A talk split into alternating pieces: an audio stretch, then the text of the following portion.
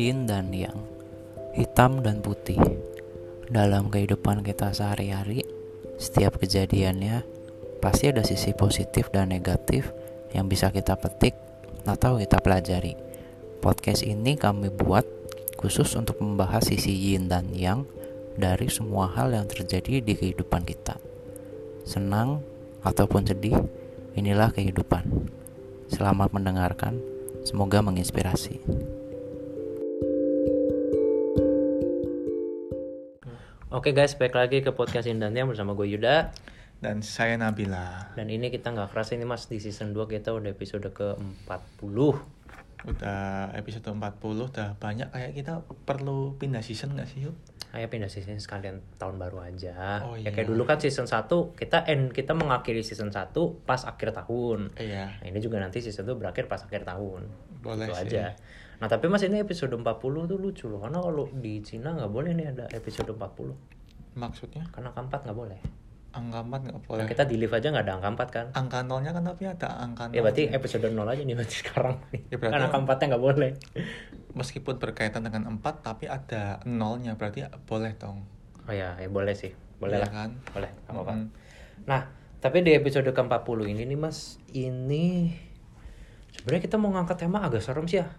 Kamu aja deh yang baca deh apa Eh, temanya deh. Ya Kayaknya kita agak lagi, serem sih. lagi banyak apa ya melewati momen dan sekilas lihat sosmed kok menarik nih buat dibahas. Ya bukan menarik menarik lagi Serem, sih, Mas. tapi perlu dibahas sih karena memang terlepas dari kita aware atau enggak, ya kita akan mengalami sih. Mungkin kalau memang terjadi ya. Jangan sampai. Iya, nah Tap- kita Tapi ya ada baiknya kalau memang amit-amit itu terjadi.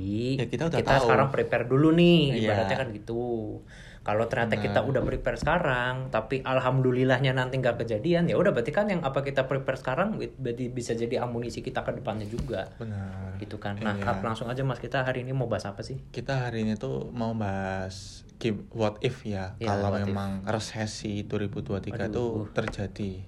resesi resesi Mm-mm. ngebayangin aja udah pusing eh kalau teman-teman yang mungkin belum tahu ya, mungkin kalau paham sih nanti bakal paham kalau memang itu terjadi ya. ya akan learning by doing Nah, kalau teman-teman yang belum tahu nih resesi itu apa sih? nah apa itu Nah, ini dikutip dari sikap sikapi uangmu.ojk.co.id. Ini resmi ya dari pemerintah. Resesi itu eh, sebagai kondisi ekonomi negara memburuk karena penurunan produk domestik, meningkatnya pengangguran, dan pertumbuhan Eh, ekonomi real bernilai negatif selama dua kuartal berturut-turut. dua Gitu. kuartal Iya. berarti sampai Q2 ya Q2. Tapi Q- memang iya 6 kan. bulan anjir 6 bulan Memang iya kan dia setelah pandemi Eh. juga ekonomi makin nggak stabil kan dilihat. Em, aku soalnya gini sih mas kebetulan aku orangnya tidak terlalu memperhatikan itu ya maksudnya Hmm. gak yang terlalu mantau gitu. Oh sekarang ekonominya Indonesia atau ek- ekonominya dunia semenjak pasca pandemi apakah membaik atau Hmm. memburuk? Terus kalau membaik membaiknya berapa persen? Memburuknya berapa persen? Kebetulan aku orangnya tidak pernah menganalisa begituan sih. Sama. yang pernah pokoknya yang selama ini aku lakukan mau itu pandemi mau itu pasca pandemi mau sebelum pandemi mau apa pun itu keadaannya yang aku lakuin sih aku selalu mengontrol bahasa kerennya apa sih? Cash flow-nya lah.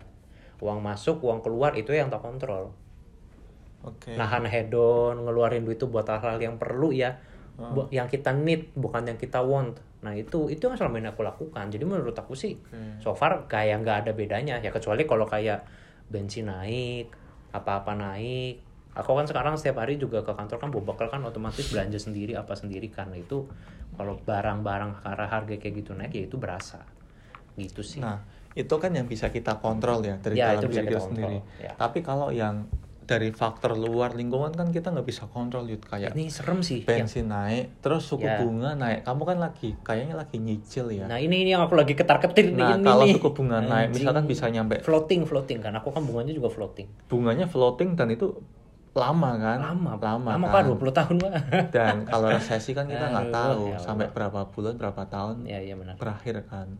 ya tapi gini sih mas kan ini kita bahas bahas resesi ya Mm-mm. kan seperti yang aku tadi cerita aku sebenarnya kalau ngebahas soal resesi ekonomi naik berapa persen turun berapa persen aku bukan ahlinya udah jelas aku juga nggak pernah ngeriset soal itu Nah, makanya kemarin sebenarnya aku sempat nonton nih di salah satu podcast yang kayaknya paling terkenal lah di Indonesia, harusnya semua orang tahu. Mm-mm. Mengundang juga ahli yang membahas soal resesi itu di 2023. Oke.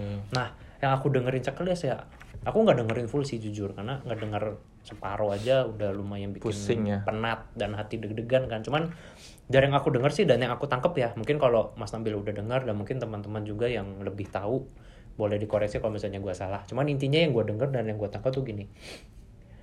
Saya contoh nih, kan kemarin-kemarin baru aja terjadi kan di beberapa perusahaan Layoff ya. layoff kan Hmm. kayak eh, layoff gede-gedean mungkin ratusan mungkin ribuan karyawan kehilangan pekerjaan apa segala macam. Tapi itu sebenarnya ya yang dibahas di podcast yang kemarin aku dengerin itu tuh sebenarnya ada lingkaran setannya loh.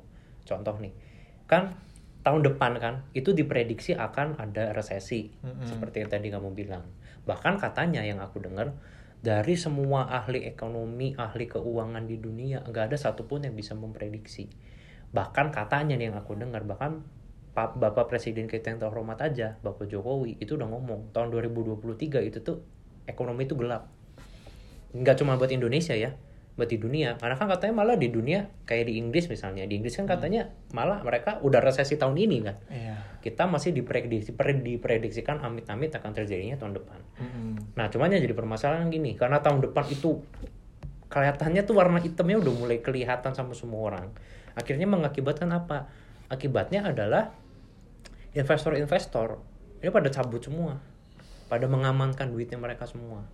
Karena kan kalau kayak perusahaan mungkin kayak startup apa segala macam, mungkin jadinya nggak jelas juga ke depannya bakal gimana kan kalau tahun depan amit-amit terjadi resesi kan. Makanya investor narik semua duitnya tuh. Yang terjadi apa kalau investor narik semua duitnya? Mau nggak mau perusahaan harus membalancekan kan antara mungkin modal yang mereka punya, pengeluaran, sama pemasukan kan.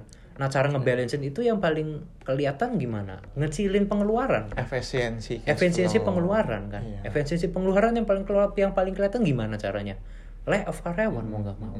Nah, tapi masalahnya tuh ternyata tidak berhenti sampai situ mas yang aku dengar kemarin. Yang terjadi apa sih ketika udah ada layoff gede-gedean kayak yang kemarin terjadi tuh di beberapa perusahaan? Misalnya contoh nih, contoh banget, contoh ya. Misalnya ada orang nih si A sama si B dia kerja di, di suatu perusahaan, perusahaannya layoff nih si A sama si B di, di salah satu yang di layoff yang dipecat. Akibatnya apa? Si A sama si B-nya harus ngehemat duit dong jadinya. Karena mereka tadinya punya pemasukan tiap bulan sekarang jadi nggak punya otomatis mereka cuma mengandalkan duit di tabungan mereka dong dan mungkin aset atau investasi kalau mereka punya. Jadi mereka hanya memanfaatkan yang yang mereka punya sambil nunggu ada kerjaan baru atau income baru. Iya. nah yang terjadi apa? Yang terjadi mereka hemat. Mereka jadi hemat beli barang mungkin yang tadinya beli baju sebulan sekali sekarang jadi nggak beli apa segala macam. Nah kalau kayak gitu impactnya apa? Misalnya contohnya si A sama si B. Biasanya mereka setiap bulan beli baju. Berarti kan secara nggak langsung mereka tiap bulan ngasih income untuk perusahaan yang memproduksi baju kan? Bener kan? Tapi ketika mereka kena resesi mereka dipecat segala macam. Mereka melakukan penghematan budget yang which is itu sangat masuk akal untuk mereka lakukan kalau mereka sudah tidak punya kerjaan atau di layoff. Dan mereka nggak bisa beli baju tiap bulan. Artinya apa? Artinya pendapatan setiap bulan yang diterima sama si perusahaan atau produsen baju tersebut dari si A sama si B yang setiap bulan beli jadinya berhenti. Ngerti nggak? Kebayang nggak maksudnya? Eh, kebayang sih, tapi di sisi lain gitu yang aku lihat untungnya hidup di negara Indonesia tuh populasinya banyak dan itu yang bisa menyelamatkan ekonomi juga yud. Ke- tapi ya Iya kan? mungkin sih Iya, Mungkin, mungkin, mungkin, masuk mungkin. akal juga ya kar- eh, bisa dikategorikan kalau ceritanya kayak gitu. Tapi kan populasi kita makin banyak kan setiap tahunnya dan negara po- negara Indonesia kan banyak juga populasinya itu yang menyebabkan pertumbuhan ekonomi makin stabil yaitu ketika di layoff tapi makin masih banyak kok orang-orang yang mau beli baju, sandang pangan. Di situ kan akhirnya ekonomi muter-muter, cuma Ya, stagnan itu sih. mungkin nah itu muternya jadi muter, nggak secepat biasanya stagnan, tuh meskipun lambat tapi Iya. nggak turun drastis itu yang Nah, itu salah dia. satu penyelamatan ekonomi kita dan aku lihat eh, Indonesia tuh banyak komoditas produk sumber alam yang bisa Ya, kita kalau- olah Kalau itu kita beruntung sih. Kita Nah, memang makanya itu. sumber daya kita banyak. sih. meskipun resesi terjadi pun kita masih bisa kok punya bargaining sebuah negara ke negara lain ketika negara lain sudah resesi down kita masih punya ini loh aset dan SDM Ya. dan SDA kita tuh masih bagus dan masih banyak yang bisa kita olah. Itu jadi bargaining kita tuh mengapa sih ekonomi di Indonesia makin makin stabil dan nggak terimpact banget itu yang gue lihat ya? Iya, cuman aduh, sebenarnya kalau bahas ini kompleks sih, kompleks dan sebenarnya agak-agak menyeramkan ya kalau untuk orang-orang seperti aku ya, yang nggak terlalu gimana-gimana banget kalau soal, maksudnya kayak ya aku nabung, aku ada investasi juga meskipun nggak banyak. Hmm. Cuma maksudnya kan jadinya kalau ngebahas hal-hal seperti ini kan, apalagi yang aku dengerin dari dari eh, si podcast itu kemarin kan, akhirnya ngebikin aku jadi kepikiran juga kan. Apalagi bener tuh kayak seperti yang tadi kamu omongin kan, aku lagi nyicil apartemen nih, dan kebetulan banget tahun depan itu tuh cicilanku mulai floating bunganya. Naik. Nah ini nih yang bikin udah mulai agak pusing dari sekarang nih, apakah harus nyari sugar mami apa gimana nih, gitu kan? Eh, karena serem juga nih ngebayanginnya. Udah mah gaji gak naik naik gitu kan. Dan kendala yang kedua itu nggak semua orang tuh punya skill yang apa ya bisa diasah dalam waktu yang cepat Yud. Ini kan tahun depan cuman berapa bulan lagi sih? Empat bulan? ya ini mah toto ini mah sekarang kita merem juga ntar juga Januari Iya, empat bulan atau tiga bulan lagi kan Iya. udah ta- tahun baru. Dan mungkin kalau orang ya nggak memang nggak ada kata telat untuk belajar. Iya. Cuman kan nggak secepat itu orang punya skill diasah kalau memang orang pingin ngembangin usahanya terus setuju cari freelance nah itu dia Nah itu dia, itu kan misalkan kamu lagi nyicil rumah tiba-tiba kamu kena layoff, nah itu mau mau dia. dapat uang dari mana? Jual diri aja nggak cukup Yud, jujur. Anjir, jual diri. Ya, iya dong, nggak Iya. cukup kan untuk Iya, membackup segala sandang pangan gitu penerang tua, tapi keluarga. tergantung gak sih mas ya tergantung ngejual di- dirinya laku harga berapa Tetap tetap nggak cukup Yud. Emang emang kamu udah pernah Eh, ya, ya dibayangin aja, Oh, dibayangin. nggak nggak masuk akal juga kan. Oh, iya, Kalau iya. ya memang itu sih kita mau ngasah skill buat nge-freelance, itu mau nggak itu nggak cepet dan nggak gampang tuh nggak gampang mau ngebangun Iya. sebuah UMKM ya yang apalagi Eh, tapi itu memang penting. Kalau- penting iya, cuman kan nggak gampang kan gampang. pasti lama tuh Itu yang kendalanya di situ sih. Makanya orang banyak memikirkan aset apa sih yang bisa dijual, Nah. yang bisa di cashin gitu loh. Nah ya, benar-benar di bahasanya tuh apa sih ya liquid lah ya, di, Iya. di- dicairin. gitu aset kan. yang gampang liquidnya. Banyak loh di sosmed rumah-rumah orang kaya di PIM, di Pondok Indah, Mhm, itu banyak iya. yang dijual loh, Iya, MM-an. makanya. Aku juga sebenarnya jujur lagi berpikir sih mas, apakah apartemenku baiknya disewain aja ya.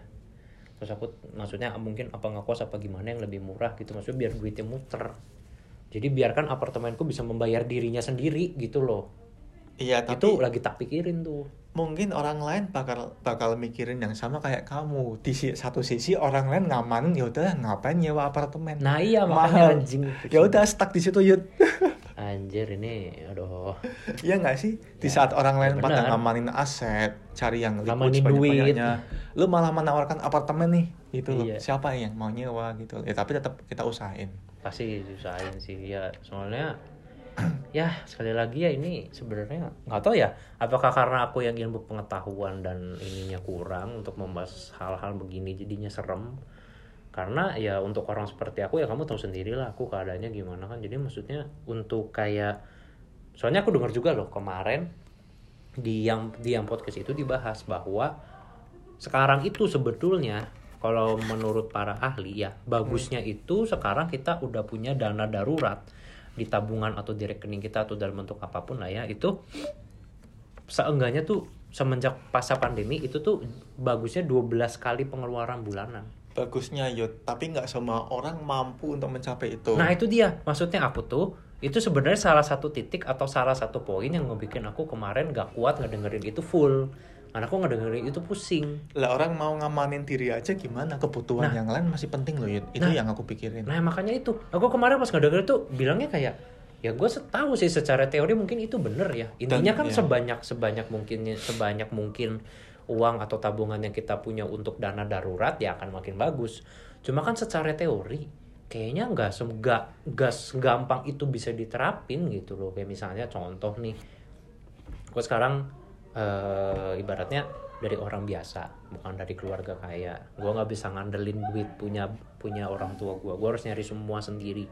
Bahkan di saat bersamaan gue masih harus menafkahi orang tua juga. Otomatis kan hal-hal seperti itu ini bukannya aku ngeluh ya tapi setidaknya dengan hal-hal seperti itu itu membuat membuatku jadi mau investasi mau nabung mau apa jadinya terbatas jadi boro-boro ada 12 kali pengeluaran bulanan kayaknya sekarang yang ada di rekeningku paling cuma satu apa dua kali pengeluaran atau, bulanan atau kali malah nggak bisa nabung gitu iya atau malah pas-pasan duitnya tiap bulan Iya. kan bisa jadi ada keadaan begitu kan ya pada akhirnya cukup hidup aja udah bersyukur Nah. untuk menghadapi resesi Betul. Jadi itu sebenarnya jujur ya kemarin pas aku ngedengerin itu hati dan otak jahatku justru berpikir ini orang-orang yang bisa punya mungkin 3, 6, 12 kali pengeluaran bulanan di rekening atau tabungannya mereka. Apakah mereka tuh nggak pada peduli sama orang tua kah? Orang tuanya kelaparan dibodoh amatin yang penting gue bisa nabung atau atau apa gitu G- gimana mereka bisa mencapai angka itu gitu loh Ya mereka mencapai angka itu kan banyak faktor variabel gitu. Salah satunya mungkin keluarga dan lingkungannya itu udah atau membentuk ada yang dapat warisan kali ya mas atau udah membentuk parameter untuk mereka sendiri. Oh anak aku udah cukup nggak bakal aku repotin. Akhirnya kan udah free. Uang gajian ya udah tabung untuk dirinya sendiri. Orang tahu memang udah menata untuk ekonominya sendiri udah Nah, itu bagus. dia. Mungkin memang variabelnya di secara positif itu sih yang masih kita pandang bagus kan. Iya iya. Iya iya benar. Iya itu kan tapi kalau secara positif kan. Positif. kayak nggak tahu ya. Apakah aku yang terlalu melihat itu negatif? Soalnya dari yang aku alamin selama ini, karena sebenarnya gini loh mas. Kan or, kan aku kan sebenarnya bisa dibilang menjadi staff atau karyawan tuh yang dapat gaji bulanan kalau menurut aku pribadi ya pengalaman pengalamanku selama ini nggak bisa dibilang sebentar juga sih aku udah lima tahun loh total kerja tuh lima tahun. Lima tahun kan berarti kalau secara matematika aku udah gajian 60 kali lebih loh. 60 kali belum ditambah THR belum ditambah mungkin kalau lagi baik dapat bonus tahunan apa segala macam. Aku kadang tuh bingung duit gue lari ke mana semua ya? Pasan gue nggak pernah hedon gue nggak pernah kayak ibaratnya kayak mungkin main cewek mabok apa segala macam. Terus duit gue lari ke mana semua gitu loh maksudnya. Kenapa orang-orang di luaran sana bahkan yang seusia, bahkan yang seusia gue ya banyak kok yang bisa punya begituan. Bisa enam kali pengeluaran bulanan 12 kali pengeluaran bulanan. Duitnya dari mana gitu loh maksudnya. Ya mungkin rezekimu bukan di uang gitu. terus di mana dong? Ya mungkin kesehatan. Kamu nggak pernah kena kanker, kena penyakit dalam. oh enggak sih itu Ya udah, berarti memang Puji Tuhan, alhamdulillahnya mungkin sih. rezekimu di kesehatan. Terus keluargamu masih komplit. Sekarang masih kumpul terus. ya kan? meskipun berpecah belah tapi tapi masih kumpul kan. Iya, nah, kumpul. mungkin rezekimu di quality Iya, time iya, untuk benar-benar. keluarga dan mungkin secara apa ya kesehatan mental kamu masih sehat kan untuk saat ya ini. Kalau kalau menurut kamu nih yang setiap hari ketemu aku gimana? Kalau aku kan kalau kalau menilai diri sendiri kan takutnya dikira ini kan sombong Ya. Masih- kalau kamu ngeliat aku gimana? Masih cukup stabil sih untuk itu. masih oke lah ya. Oke. belum sono Ya, kan? di luaran sana kan mungkin ada orang yang nggak direpotkan oleh keadaan keluarga dan lingkungan tapi mungkin masalah mental. Kemarin ada yang bunuh diri kan? Mahasiswa mahasiswa di UGM loncat dari lantai atas gedung. Oh ya ada ada ada, ada. nah padahal orang tuanya ekonominya dan mungkin backgroundnya mohon maaf ya kalau aku salah ya aku nggak Mhm. tahu nih Mhm. kurang tahu banget yang Iya. aku baca sih ekonominya dan backgroundnya juga agak bagus ya cukup bagus sebagai Hmm. keluarga loh Hmm, ya macam-macam Yud kalau memang mau dibahas lebih lanjut itu macam-macam cuman panjang lebar lah ya. eh, cukup untuk hidup dengan frugal living Waduh, untuk tahun apa itu ke frugal living? frugal living itu kayak hidup seefisien mungkin dan seefektif mungkin Nah itu penting tuh. untuk menghidupi kepentingan dan kebutuhan keinginannya sama sekali nggak perlu Nah, itu. urus frugal Nah, ini, living ini. itu udah cukup banget sih untuk mengejar target untuk cukup hidup di tahun depan 2023. misalkan terjadi resesi Misalnya amit-amit kejadian gitu ya. iya Tapi itu bener sih mas. Karena dari yang aku dengerin dan yang aku baca-baca dari kemarin juga apa namanya, yang paling penting itu kita juga harus bisa membedakan antara what we need sama what we want. Itu tuh penting banget. Karena ya itu tadi balik lagi kalau penjelasan aku tadi di awal, hal paling simpel, hal paling gampang lah ya untuk kita lakukan. Nggak cuma dalam menghadapi eh, ini resesi sih sebenarnya. Hal yang hal yang bisa kita lakukan yang paling gampang paling cepet yaitu kita harus kontrol cash flow. Uang masuk sama uang keluar. Mungkin kalau uang masuk aku percaya rata-rata orang di Indonesia udah oke lah kontrol uang masuk. Karena kan orang kerja dapat gaji apa segala macam adalah pendapatan mingguan atau bulanan. Nah yang harus dikontrol itu uang keluar. Karena kayaknya he untuk hedon untuk belanja online tuh masih agak kenceng tuh di situ. Padahal barang yang dibeli ternyata nggak dia butuh. Dia cuma pengen doang punya Iya, itu gitu. Iya, memang sih. Ya mungkin ada orang lagi yang sudut pandangnya kayak nggak masalah Eh, toh nanti rezeki bakal datang lagi. Bener memang rezeki datang lagi. Gaji bakal datang udah pasti. Cuman memang harus di apa ya dikontrol lah, dikontrol lebih dikontrol Iya. iya Itu nggak tau nggak tau kenapa ya. Kok se- agak sebel ya ngedengar orang-orang yang ngomongnya kayak ibaratnya kayak apa sih? Kayak menyerahkan semuanya tuh di tangan Tuhan gitu loh ngerti nggak? itu bagus memang Ada bagus bagusnya. dan rezeki memang udah diatur yud itu Iya. memang kita harus akui dan memang itu benar yud Itu ada benernya. benar cuman nggak semua orang bisa menerapkan prinsip itu dengan baik Nah itu dia maksudnya. Nah, kalau udah baik, ya udah, why not? Itu loh. Itu memang bagus kok prinsip kayak gitu kok. Dan aku juga pernah ngalamin. Cuman Iya. nggak semua orang setiap kali nanti ada rezekinya kok lah kok masih malas Nah itu lu maksudnya. masih mager nggak mau kerja effort lagi ketika ketika nggak ada apa-apa ketika di tempat musibah finansial memburuk bilangnya ini ujian dari Tuhan Yalah, ya itu maksudku itu. nah gitu loh Itu maksudku kayak, maksudnya gini loh mas. Aku kadang suka greget apa suka sebel sama orang yang apa sih ibaratnya apa-apa nyerahin ke Tuhan, apa-apa nyerahin ke Tuhan. Mungkin benar kata kamu itu ada bagusnya. Karena toh kita sebagai manusia kita pasti punya kelemahan dan kita ada batasan kan. Ada hal-hal yang udah di luar kekuatan dan kuasa kita. Itu mau nggak mau diserahin sama Tuhan gitu kan. Cuman kan masalahku gini loh, kayak misalnya kayak eh, contoh yang tadi kamu eh, eh, ini sebutin kayak ya udahlah nggak apa-apa. Toh nanti juga rezeki sih pasti ada lagi. Ya rezeki memang pasti ada lagi. Tuhan tuh pasti ngasih. Cuman kan nggak berarti apa yang lu punya sekarang entah itu dalam bentuk duit apa segala macam lu bisa foya-foyain atau nggak dikontrol dong. Iya kan? ya rezekinya sih nextnya pasti ada lagi. Kayak misalnya lu bulan depan pasti gajian lagi. Tapi apakah dengan sisa duit lu yang sekarang terus lu abisin dengan dalil nanti juga ada lagi? Kan nggak gitu kan. Maksud aku tuh nanti pasti ada laginya tuh di bawahnya harus ada breakdownnya lagi. Lu harus tetap ngitung cash flow lu gimana. Lu biasanya sehari berapa. Lu sekarang misalnya sisa nih. Misalnya sekarang sisa di rekening satu juta. Sekitar dua minggu lagi kan kita gajian. Tapi misalnya contoh nih oh gua sisa di rekening satu juta. Gua gajian dua minggu lagi. 14 hari kan.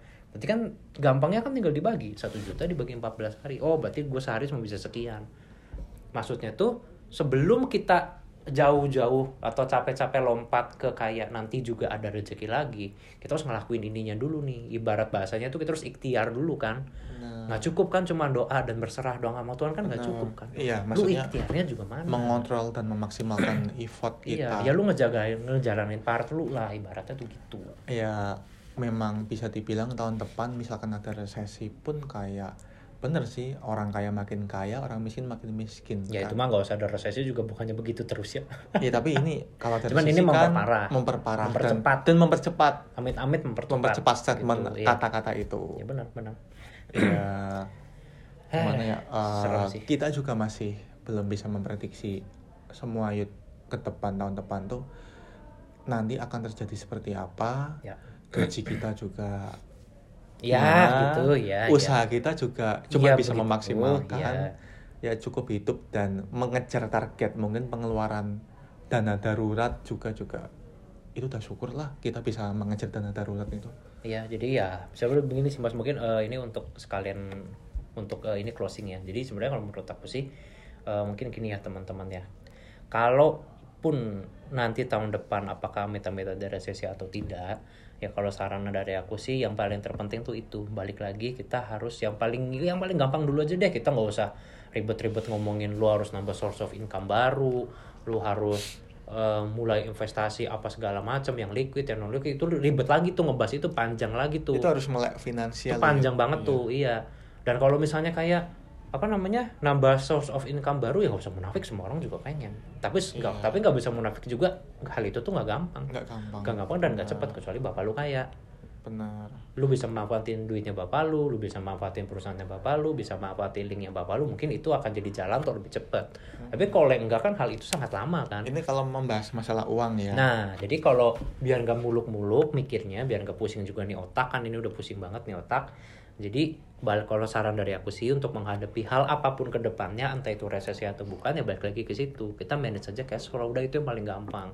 Lu Bener. tahu gaji bulanan lu berapa, lu harus kontrol bulan setiap bulan yang lu keluarin berapa. benar Ibarat gampangnya sih jangan sampai lebih besar pasak daripada tiang. Benar. Udah tahu gaji lu 5 juta, lu maksa lu pengeluaran sebulan 4 juta atau 5 juta pas iya lebih ke Mana kita harus bisa mengontrol aset kita sih. Kalau mau dijual sekalian ya silahkan kalau memang itu tujuan dan target yang harus kalian kejar untuk mengamankan diri kita masing-masing. Betul. Kita nggak bis kita nggak bisa mengontrol rezeki yud karena rezeki udah diatur. Nah, Nggak- kita nggak bisa dikontrol. Itu, itu. Kita hanya bisa mengejar rezeki dan bisa harus bisa mengontrol cash flow dan juga aset yang kita miliki Nah, itu maksudnya. apa pun keadaannya toh kita masih bisa cukup hidup kalaupun nggak bisa Cukup loh ya, Cukup tidak ya. bermewah-mewahan kan. benar kalaupun dia. memang masih nggak bisa atau kita masih punya Tuhan kita masih bisa effort maksimal iya. mungkin ya nggak sih Iya, kalau iya. memang rezekinya bukan di uang untuk mengelola sandang pangan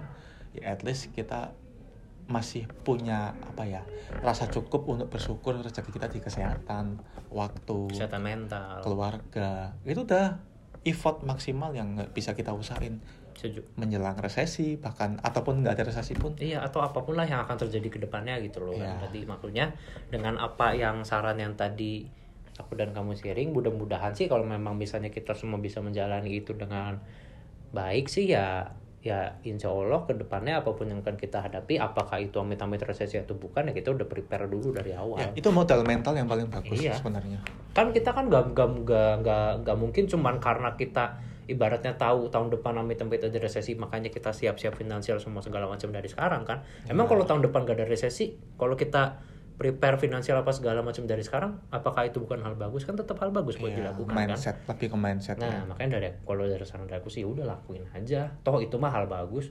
Mau apa pun yang kita hadapin ke depannya juga kalau memang itu hal bagus ya lakuin aja dari sekarang kan Iya, gitu. benar. Ya intinya Benar, sih balik lagi kalau kita sedikit menyambungkan tadi ke yang masalah agama ya intinya mah itulah kita sebagai manusia cuma bisa ikhtiar usaha semaksimal yang kita bisa sepositif mungkin. Ibaratnya kalau lu mau nyari duit tambahan juga ya yang halal jangan yang haram gitu kan. Nanti sisanya biar Tuhan lah yang udah punya ininya sendiri lah Hmm, ya kita juga sebagai manusia udah tahu lah. Kalaupun nggak tahu dan nggak siap untuk resesi ya ya udah semaksimal mungkin aja. Bisa hidup nggak sih kita kita coba tahun depan nih itu challenge ya tuh. challenge setelah testing pandemi challenge itu testing sebagai kita sebagai manusia itu bisa apa nih sekarang nih tahun Setuju. depan ya udah hadapin aja Oke, ya udahlah, udahan aja ya Mas ya, serem nih. Udah mah hari Jumat sore, Jumat malam lagi Pembahasannya- begini. pembahasannya kayak gini di sisi lain kita juga tidur. masih banyak kurang sih pasti sih. dalam menghadapi hal ini Banyak sih. Ya udahlah. Jadi semoga apa yang tadi gua dan Mas Nabil sharing semoga bisa menginspirasi kalian. Be, be, be, be, be prepare aja sama apa pun yang terjadi ke depan, entah itu resesi atau bukan ya kita prepare aja atau melakukan aja yang terbaik dari sekarang. Benar. Jadi biar nanti apa pun yang kita hadapi ke depannya kita udah siap intinya begitu. setuju Oke, mungkin Yud. untuk apa? Gimana Mas? oke closing aja Oh udah, langsung. udah. Kirain masih mau ngomong. Udah ya, udah cukup serem ya. Ya udah, mungkin untuk episode ke-40 ini cukup sekian. Gue Yuda pamit. dan saya Nabila pamit Terima kasih guys, thank bye-bye. you